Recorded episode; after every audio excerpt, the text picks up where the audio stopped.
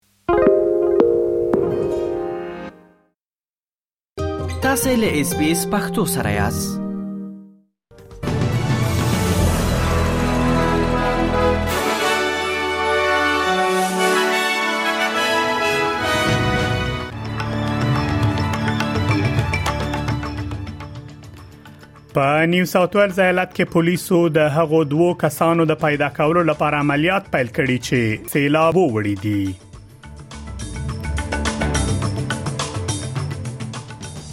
په وکټوريا ایالت کې ل سیلاب ځپلو سره د مرستې لپاره 380 میلیون ډالر مرسته اعلان شوه ایران په تهران کې د ناکراریو په تور زر کسان تورن کړي او غواړي دغه کسان په عام محضر کې محکمه کړي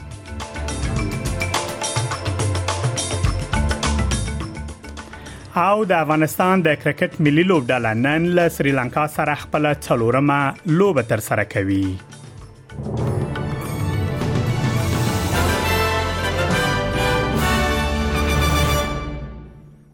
اوس هم پام وکړئ بشپړ خبرونه ته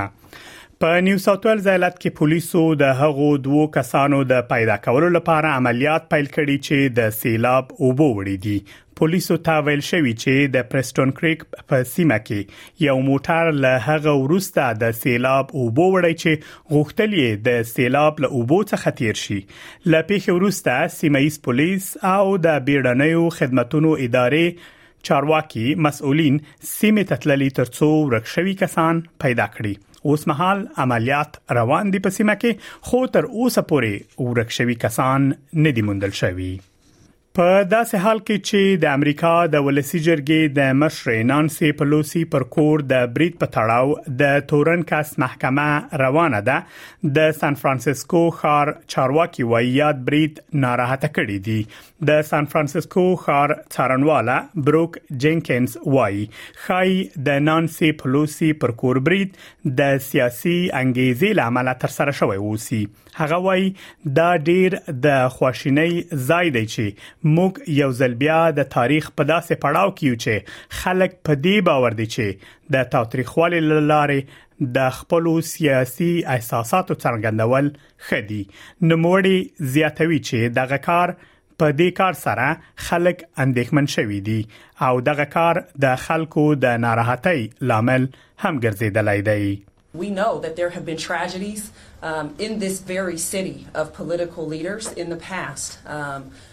And so it's something that we have to take very seriously. And it's very sad to see that we are once again at a point in history where people believe that it's okay to express their political sentiments through violence. And so I think it really demonstrates um, that we have to calm things down. په وکټوريا ایالت کې له فدرالي حکومت سره وکټوريا ایالت له فدرالي حکومت سره په ګډه له هغو سوداګرایو کاروندګرو او ادارو سره د 880 میلیون ډالر مرسته اعلان کړه چې ورستیو سیلابونو زیانمن کړي دي په شرایطو برابرې ډلې کولای شي 50 سره ډالر مرسته لغښتنلیک ورسته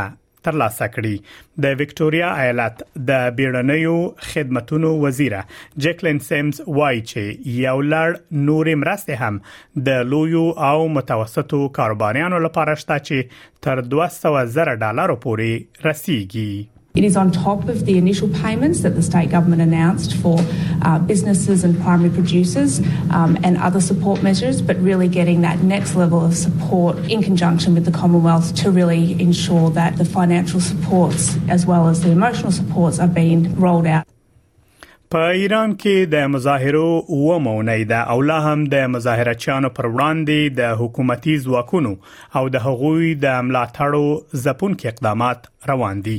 د بشري حقوقو مدافع ډلو په ځانګړي توګه د ایران د بشري حقوقو سازمان چې مرکز یې د ناروی په اوسلو ښار کې دی راپور ورکړی چې لک تر لګه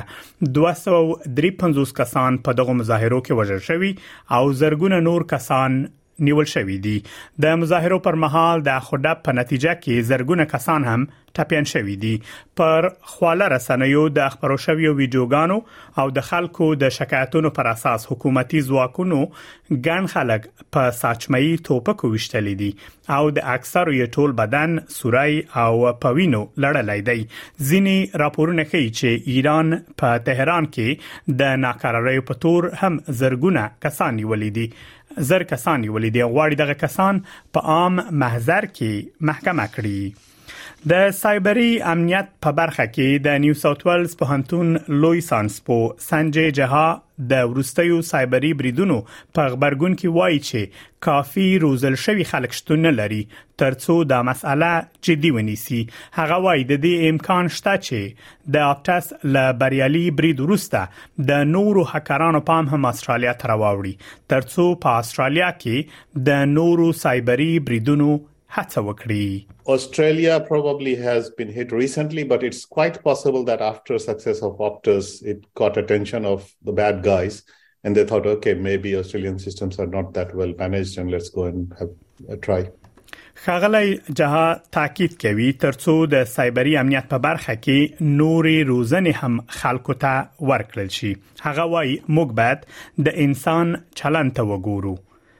دا خلک چې زموږ شبکې اداره کوي دوی څنګه کار کوي دې ته وګورو موږ ته پکار ده تر چې هر وخت غوړه ټکنالوژي ولرو کنوي ټکنالوژي بازار تراشي په دې برخه کې باید پانګه اچو اچونه وکړو او نوي ټکنالوژي ترلاسه کړو we need to look at human behavior how these people who are managing our networks uh, do things uh, we need to have uh, better technologies all the time. If newer technologies coming, invest in that. I'm talking about the security management, monitoring of network traffic, and so forth. Think about um, encryption techniques, distributing things so that uh, even if uh, something gets compromised, they don't find everything in one place. د افغانستان د کرکټ ملي لوبډله نن له سریلانکا سره خپل څلورمه لوبه تر سره کوي د کرکټ پروان شلوريز جام کې افغانستان تر دې دمه درې لوبې تر سره کړې یو لوبې لنګ انګلستان ته بایللې او دوه نوري د باران د ورښت لامل لغوه شوې دي ټاکل شوې ترڅو د افغانستان او سریلانکا ترمنځ لوبه نن د برزبن په ښار کې تر سره شي د افغانستان د کرکټ د ملي لوبډلې مشر محمد نبی وایي د نړیوال جام له پیل څخه مخکې افغان ملي لوبډلې په برزبن ښار کې دوه اونۍ کم درلوده ترڅو د دغه ښار له هوا او پیچ سره بلد شي ورلد کپ نمخ کې تقریبا موږ دوه هفته کیمپ ولر په برزبن کې د هوا او د پیچ سره بلد دی لپاره موږ مخ کې راغلیو نو ان شاء الله غټ امید سره راغلی ان شاء الله څه ناسه به په دې وړګه پکاو ترکیه د روان کال له پیل څخه تر اوسه پورې شاوخوا 40 زر افغان پناهغښتونکي له دغه هیواد څخه وستلې دي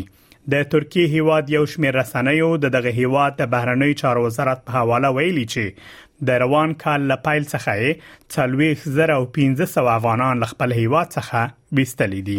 د رسنیو د راپور لمخې د غشمیر پناغښتونکو د 214 چارټر او څو نور الوتکو په وسیله کابل ته لیکدول شوې دي د انادولو خبري اژانس تر راپور لمخې ترکیه سکهال ټول ټال څه باندې و نوي زره کډوال ل خپل خاورې شړلې دي د ملګرو ملتونو د کډوالو عالی کمشنري وایي چې دا مهال ترکیه 3.8 میلیونه کډوالو کوربه ده چې د نړۍ په کچه یو هیواد کې د پناه غوښتونکو لوړ شمیر دی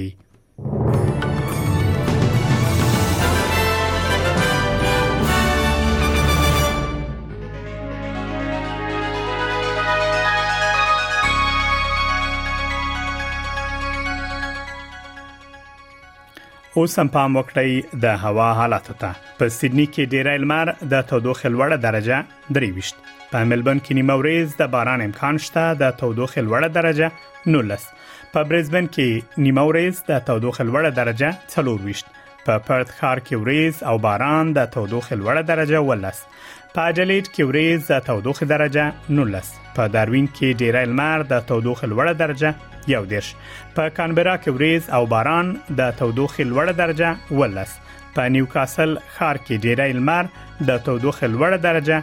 23 او له استرالیا څخه بهر په کابل کې نیمه ورېځ د تودوخې لوړه درجه 19 او ټیټه و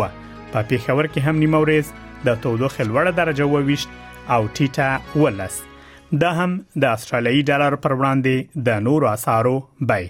د استرالیا یو ډالر 4 شپېته امریکایي سنت یو استرالی ډالر 15 شپېته یورو سنت او شپږ 50 بریټانوي پنس د استرالیا یو ډالر 350 هندیو کلدارو او یو سلو یو څلويختو پاکستانیو کلدارو سره برابرېږي او د استرالیا یو ډالر شپږ 50 افغانۍ کېږي خبرونه همدمره و لاملتیا مو